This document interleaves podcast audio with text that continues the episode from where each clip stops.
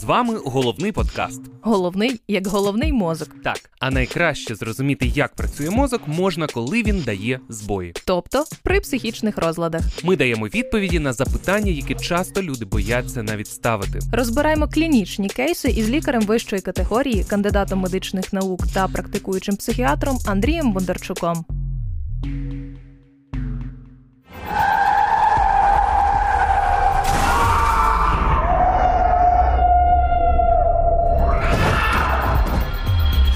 Після зіткнення машина почала перевертатися. Водій був прищепнутий пасками безпеки, і це втримало його у кріслі, але його самого кидало то вправо, то вліво. Пилип пам'ятає кожну секунду після зіткнення. Перша його думка була про доньку та трирічного онука на задньому сидінні. Він спробував повернути голову, але не розгледів, чи вони живі. Було тихо, тому Пилип вирішив, що всі померли ще до того, як машина стала на колеса. І раптом відчув нестерпний паралізуючий біль у спині. Вирішив, що зламав її. Ця аварія сталася понад три місяці тому, і насправді всі вижили. Пилипова донька зламала руку, а онук взагалі не отримав жодних травм. Спина Пилипа теж була цілою, але з'явилася інша проблема. Він продовжує щоденно переживати цю аварію. Зокрема, перед його очима постає картина, як машина перевертається, а на задньому сидінні мертві донька та онук. У цей час Пилипа кидає в жар, він сильно напружується та відчутно пітніє. Цей сюжет не полишає його і вночі, йому сняться повторювані жахи про катастрофу. Та й сон Пилипа став поверховим та уривчастим. Пилип намагається про все забути, особливо старається уникати цих спогадів перед сном, щоб швидше заснути. Також чоловік оминає місця, які нагадують йому цю травму, жодних автомагістралей, і, звісно, Пилип об'їздить десятою дорогою місце аварії. Також він часто відчуває дратівливість, має проблеми з концентрацією уваги. У Пилипа з'явилася нова риса, надмірна пильність до всього. Через те, що він усе перевіряє, контролює, почав швидко втомлюватися. Внаслідок аварії у чоловіка розвинувся депресивний стан. Психіатру він описує свій настрій як вкрай поганий та пригнічений. Каже, що буває плаксивим, не має мотивації працювати. Тому вважає за краще залишатися вдома. Його не цікавлять робота, зустрічі з друзями чи походи з дружиною в кіно чи ресторани. Ви зараз почули клінічний кейс, який для початку ми розберемо з лікарем вищої категорії, кандидатом медичних наук, практикуючим психіатром Андрієм Бондарчуком. Андрію, вітаю! Вітаю. Доброго дня. Ми з Катою дуже сподіваємося на вашу допомогу з розбором психічних розладів. Чи ви можете припустити, що відбувається з Пилипом? Схоже, він страждає від посттравматичного стресового розладу. Чи можете пояснити нам з Романом детальніше? Ми трошки цікавимося психіатрією, але спеціальної освіти не маємо. Людина, яка опинилася в ситуації, яка загрожувала її життю або життю інших, може тривалий час ще переживати ці події і страждати від цього. І в деяких випадках стан людини буває настільки стійким і виснажливим, що формується хворобливий розлад. Як правило, події, що провокують посттравматичний стресовий розлад або ПТСР, викликають почуття страху, безпорадності або жаху. І ці події можуть бути пережиті безпосередньо. Ну, наприклад, пацієнт отримує сам серйозну травму або піддається смертельній небезпеці, або побічно. Наприклад, якщо пацієнт став свідком того, як інші отримали травми, були вбиті або піддавались небезпеці, і інколи людина може е, отримати такий розлад, якщо дізнається тільки про події, що сталися з близькими родичами або друзями. Військові дії, такі як у нас на Донбасі, сексуальне насильство, природні або техногенні катастрофи це все поширені причини посттравматичного стресового розладу. Власне, і у мене після війни був курс інтенсивної терапії, були проблеми зі сном, різні прояви тривоги в дуже різноманітних життєвих ситуаціях. Хоча більшим стресом були не самі військові дії, а дуже різкий момент демобілізації. Власне, від е, моменту виконання конкретної бойової задачі до того, як я опинився в Києві у кав'ярні з флетвайтіком в руках, минуло всього пару днів. Проте діагнозу ПТСР мені не ставили. Не всі ж отримують посттравматичний стресовий розлад після участі у війни, правда? Так, не у всіх, хто пережив гострі травмуючі події, розвивається ПТСР. Вчені е, виділяють дуже багато факторів, які можуть бути пов'язані з розвитком цього розладу. Це, наприклад, особливості особистості, підвищена тривожність, збудливість, стани виснаження перед травмуючою подією. Ну і також попередній персональний досвід. Також безумовно значне місце займає тривалість та характер саме травмуючих подій. Добре, давайте більше дізнаємось про цей розлад. Все ж ми почали з симптомів, то давайте трохи детальніше до цієї теми. Добре. Клінічний діагноз ПТСР ґрунтується на критеріях п'ятого видання американського керівництва з діагностики і статистики психічних розладів. Скорочено його називають DSM-5. Для його встановлення необхідно знати, що пацієнт мав прямо чи опосередковано зіткнутися з травматичною подією. Крім того, у нього повинні спостерігатись симптоми з кожної з основних категорій протягом місяця або більше. Я переглянув цю тему, і Diagnostic and Statistical Manual of Mental Disorders у п'ятій редакції симптоми ПТСР поділяє на декілька категорій. Отже, перша це симптоми переживання травматичних спогадів. Я так розумію, що це коли Пилип відтворював уяві та переживав аварію знову і знову. Саме так.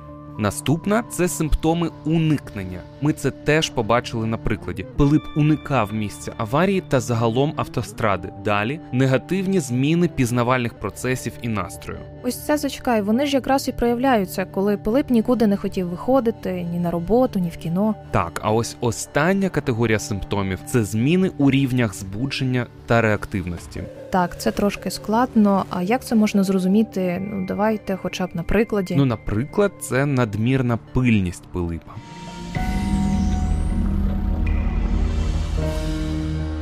Гіперпильність це симптом пов'язаний з тривогою. Виглядає як стан збудження з надзвичайною чутливістю. Людина у такому стані є особливо настороженою, непокоїться або переживає з приводу ситуації або події, може відчувати підвищений рівень уваги до дрібниць та загальне збудження. Друзі, також варто прокоментувати ще одну річ: у людей з ПТСР можуть бути стани неспання, у яких події переживаються, ніби вони відбуваються з людиною зараз. Часом це призводить до таких реакцій пацієнтів, як під час травматичної події. Наприклад, звуки фейерверка можуть викликати спогади про бій. Пацієнтам важко уникнути стимулів пов'язаних з травмою. Вони часто відчувають себе емоційно затерплими у повсякденній діяльності. Ну мені не дуже зрозуміло, що означає емоційно затерплі. Емоційна затерплість це така болісна нездатність переживати весь спектр позитивних негативних емоцій, недостатність їх інтенсивності у повсякденному житті. Цей симптом тісно пов'язаний з зниженням якості життя у пацієнта. Я знаю приклади, коли у колишніх військових не одразу з'являлися ці симптоми. Минуло більше ніж півроку, іноді це був рік, а іноді три чи п'ять. Чи це може бути ПТСР? Так, це звичне явище. Іноді симптоми можуть виникати в період до 6 місяців після травми. Іноді повний прояв окремих симптомів затримується, починається тільки через декілька місяців, навіть років після травматичної події. Навіть років? Ну це досить довго. Часом симптоми можуть бути продовженням гострого стресового розладу. Це інший розлад. Він встановлюється, якщо переживання є у перші 4 тижні після події, тривають мінімум 3 дні, але закінчуються до місяця після події. На відміну від ПТСР, симптоми повинні зникати до місяця при цьому розладі. Я так розумію, що часто ПТСР супроводжують депресії, тривожні розлади, а часом і вживання психоактивних речовин. Так, це характерно для пацієнтів з хронічним ПТСР.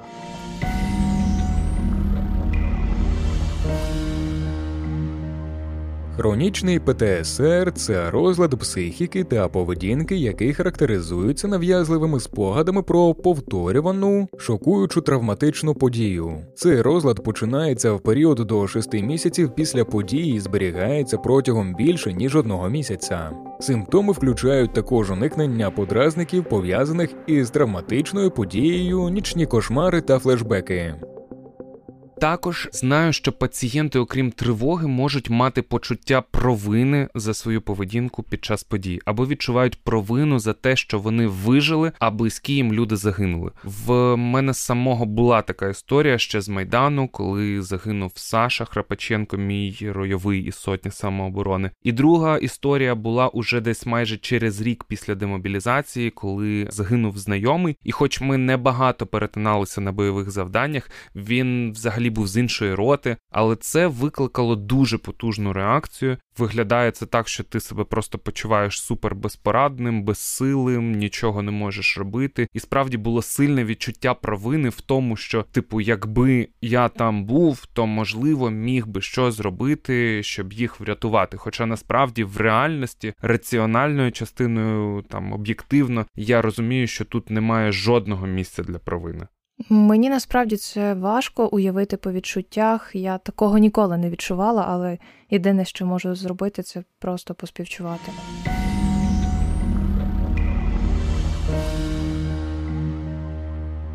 Ну, з симптомами усе більш-менш мені вже зрозуміло. А що відбувається, умовно кажучи, в голові у нашому мозку, коли настає момент травми? Загалом травматична подія записується у так званій імпліцитній або прихованій пам'яті. Вона забезпечує використання інформації, отриманої на основі неусвідомлюваного минулого досвіду. Ця інформація не інтегрується в автобіографічну пам'ять переживань, які людина усвідомлює. Ну а в чому причина цього неусвідомлення? Дивися, до цього залучена ендокринна система. Це часом не та, що відповідає за виділення гормонів. Часом та і разом з нервовою системою гормони беруть участь у забезпеченні емоційних реакцій, тому такі реакції називають нейроендокринними.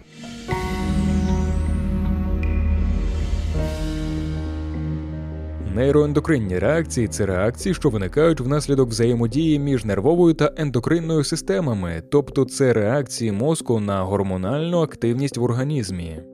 Одна з гіпотез на цю тему така: є такі гормони, глюкокортикостероїди, які, зокрема, відповідають за стрес. Ну і як я пригадую це класне слово, у мозку ці ж речовини називають не гормонами, а нейромедіаторами. Точно так, от після стресової реакції в людини підвищується концентрація глюкокортикостероїдів, а це може блокувати інтеграцію травматичних спогадів у вже наявні. Тобто від травми в людини з ПТСР і стресова реакція, і неусвідомлені переживання. Це все разом не дозволяє стати цим переживанням усвідомленими, тому вони нам потім сняться, наче намагаються достукатися усвідом нас. Ми теж досвід. Так, це відбувається в ділянці мозку, де неусвідомлені переживання трансформуються у свідомі у гіпокампі.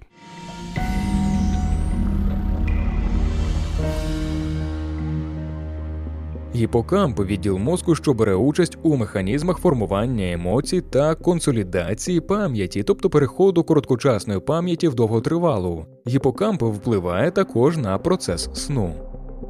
Є також дослідження про те, що об'єм гіпокампу в осіб з хронічним ПТСР може бути зменшеним порівняно з людьми без розладів. Ого. А ще під час цих процесів може типу вімкнутися механізм дисоціації. Дисоціація, здається, пригадується щось про розділення. Так. Дисоціація полягає у роз'єднанні мереж нейронів, що відповідають за різні складові свідомості людини. Тобто та мережа нейронів, що береже записані спогади про травматичну подію та емоційний стан пов'язаний з нею, від'єднується від так званого поля свідомості. Ну а з чим це можна порівняти, щоб було зрозуміло кожному? Так, давай подумаємо. Ну, мабуть, е- з утворенням такої типу ширми перегородки у свідомості, Мгм. яка відгороджує звичну зону від травматичного минулого. Бо від нього хочеться, типу, сховатися або втекти, оскільки воно надто болюче. Утворення цього бар'єру в системі пам'яті блокує інтеграцію травматичної пам'яті. До того ж, людина часто підкріплює це уникання травматичного матеріалу. Ну але при тому ці спогади в несподівані моменти повертаються самі ж собою, так?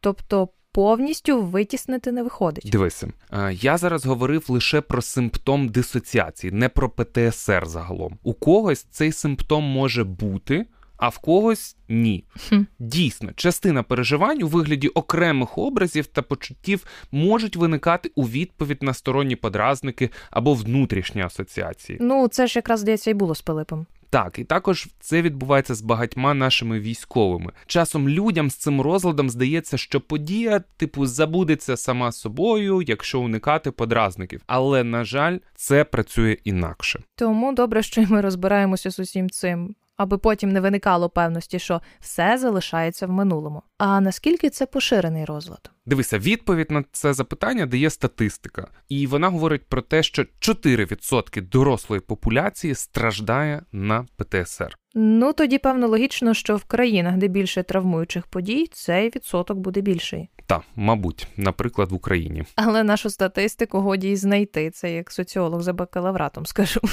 Я коли готувалася до цього, намагалася це зробити, але марно. Схоже, у нас не роблять таких досліджень. Ну я думаю, насправді, що це тимчасово, але є ось світова статистика щодо ветеранів, і в цілому від 11 до 30% ветеранів з різних країн світу стикаються з цим розладом, та від 7 до 10% людей можуть страждати від ПТСР протягом життя. Але це знову таки американські дані. Ну а скільки людей отримує ПТСР саме після травматичної події? Наприклад, якщо згадати Іловайський котел.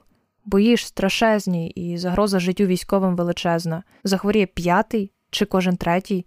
А чи це можна якось прогнозувати? Дивися, щодо прогнозів, думаю, що я тебе розчарую, тому що серед дорослих показник захворюваності на ПТСР, викликаний травмою, схильний до дуже значних коливань. Ну чому ж? Ну, це залежить від цілої низки чинників. Що це за травма, її тип, якою є її тяжкість, також чи були в цієї людини травми в минулому, чи були раніше тривожні або емоційні розлади і виражені реакції на інші травми. Важко щось прогнозувати, не маючи такої інформації. Це звучить як багато, але, але, але і ще раз, але і багато винятків. Угу. Окей, а як щодо дітей? Тут дуже подібна ситуація. Насправді показники захворюваності ПТСР серед дітей і підлітків, що вціліли в катастрофах, широко варіюються. За даними різних досліджень, вони можуть становити зараз. Приготуйся, щоб ти розуміла, що таке широко варіюється від 1 до 60%. Серйозно? Так. Ну це ж суттєва різниця. Да, просто колосальне. І сам перебіг розладу непростий. Він не одразу проявляється, на його прояв впливає багато факторів. І є ще одна статистика: вона відрізняється від попередніх. Ну давай. Під час великого епідеміологічного дослідження в США встановлено, що поширеність ПТСР становить 4,7% серед підлітків. При цьому більш високі показники відзначаються серед дівчаток 7,3%,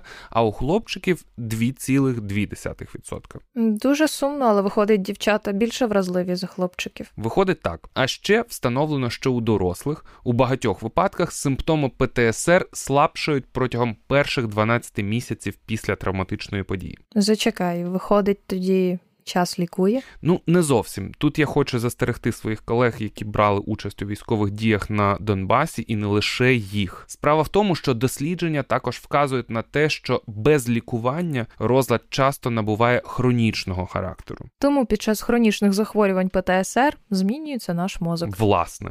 А загалом люди із ПТСР можуть відчувати виражену симптоматику і порушення функціонування навіть протягом десятиліть. Тому, якщо щось подібне помічаєте у себе, краще за все звернутися до психотерапевта чи психіатра. Я свого часу одразу пішов цим шляхом, і це допомогло не загнатися в дуже дуже жорсткий стан. А чи знаєш ти, хто знаходиться в групі ризику? До підготовки до цього випуску не знав, але тепер розкажу. Було проведено мета-аналіз 64 досліджень. Відомо, що в групі ризику люди, які схильні до сильних переживань, які мають тривалий страх пов'язаний з травмою, які чутливі до сприйняття загрози життю. Ще величезний вплив має середовище людини після травми, власне, як і в кожному із психічних розладів, про які ми говоримо. Я розумію, про що ти. Але якщо людині погано і вона про це розповіла, наприклад, соцмережах, її ж можуть засудити.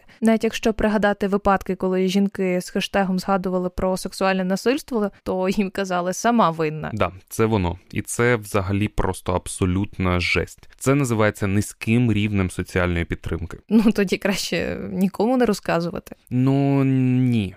Соціальна ізоляція теж може лише поглибити цю проблему. Це ще один фактор ризику, виділений у метадослідженні. Ну тоді краще розповідати тому, хто точно підтримує. А також психіатру, який і підтримає, і пояснить, як діяти далі. Також серед факторів ризику наявні інші психічні розлади. Погіршувати ситуацію будуть погані стосунки в сім'ї, відсутність близького спілкування та взаємопідтримки. А хто у нас відноситься до групи ризику? Дивися, в першу чергу жінки, Також в групі ризику усі люди з низьким рівнем соціально-економічного статусу, з низькою самооцінкою, з психологічними проблемами чи навіть низьким рівнем інтелекту. Так, давай зупинимося на рівні інтелекту. А чи є для цього якесь пояснення? Так, звичайно, ці люди не мають складних пізнавальних стратегій. Вони мало досліджують світ і тому погано розуміють, що з ними взагалі відбувається. Тут якраз величезне поле для рептилоїдів, наприклад, оскільки вони цього не роблять, ці люди, то й поведінкові стратегії страждають. Вони не знають, ніколи не бачили, як можна поводитися в складних ситуаціях. Тому травматична ситуація їх просто виносить. Рома, давай, якщо трішки ми відійдемо від теорії, і я б хотіла Мгм. тебе попросити поділитися своїм досвідом після травми. Угу. Ну давай. Якщо це недоречно, то звісно можеш не відповідати. Але як ти зрозумів, що тобі варто звернутися до психіатра? Угу. Ну дивися, перш за все, після війни я працював із психотерапевткою. Угу. Робота з психіатром це у нас буде окремо в іншому випуску. Це в мене Добре. теж було в досвіді. Для мене це було якби must have після демобілізації. Це як із проведенням медичного обстеження. То це однозначно перша задача після повернення зрозуміти, в якому взагалі я стані знаходжуся, провести якийсь аудит, тому що там була історія і з е, хаотичним носінням там бронежилета, каски, кулемета, обвеса з патронами і всім і всім коли це йде величезне навантаження, наприклад, на спину, на руховий Мгм. апарат. Я не є там Сільвестром Сталоне, Ну, знаєш, да, я такий трошечки дріщ. От. І насправді проблеми зі спиною у мене от тільки зараз, там, тобто через 5-6. Сім уже років починають проявлятися. Проявлятись. А там також була історія з харчуванням, чим попало. Ну як чим попало? Да, це був ЗСУшний сухпайок, Мгм. ну це галети візит, е, паштет. Далеко не наша гречка з Да, куркою. До речі, гречка в сухпайку. Це була просто найсмачніша їжа, практично піща богов.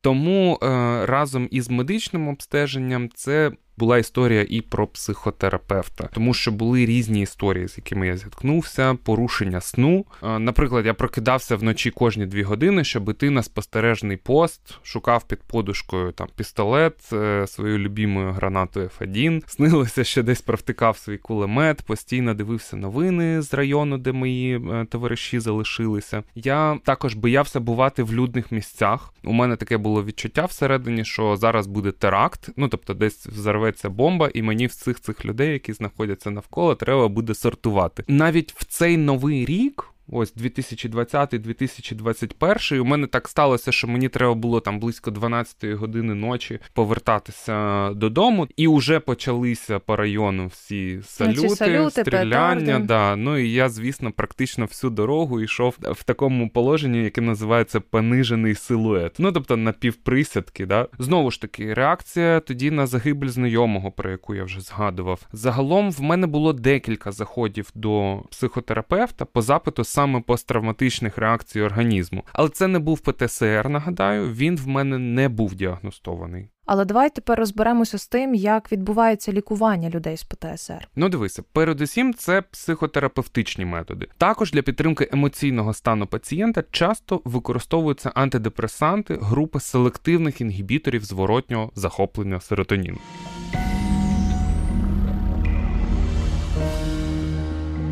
Селективні інгібітори зворотнього захоплення серотоніну фармакологічні препарати, які у сучасній медицині є найбільш збалансованими за своїми ефективністю та переносимістю при депресивних, тривожних та інших розладах, та переважно призначаються як перша лінія лікування. А все ж, яка психотерапія краща? Я думаю, що краще про це запитати психіатр. Андрію, розкажете нам? Краща терапія це та ефективність, якою доведена щодо конкретного розладу. Однією з основних форм психотерапії є травмафокусована когнітивно-поведінкова терапія, структурований метод підтримки та подолання наслідків травми. А у чому вона полягає? Зазвичай люди бояться йти в терапію саме тому, що не знають, як це відбувається. Психотерапевт допомагає зрозуміти, чому і як травма так сильно впливає на життя. Людина з ПТСР зможе навчитись формувати індивідуальні навички, наприклад, релаксації, ефективно виражати емоції. Також у терапії можна навчитись управляти своїми спогадами про травму. Це допомагає не уникати цілком безпечних ситуацій, які нагадують про психічну травму. За цим може слідувати групова терапія, яка допомагає учасникам групи розмовляти один з одним про психічну травму і ділитися своїми переживаннями з цього приводу. І заключний етап це підвищення почуття безпеки, що сприяє особистісному розвитку в майбутньому, також набуття інших навичок. Загалом це сучасний, комплексний та структурований підхід для подолання наслідків травм. А це єдиний метод терапії при ПТСР? Ні, не єдиний. Також використовують EMDR. Ця терапія полягає в тому, що пацієнтів просять стежити за рухом пальця терапевта в той час, поки самі пацієнти уявляють, е, що переживають травматичну подію.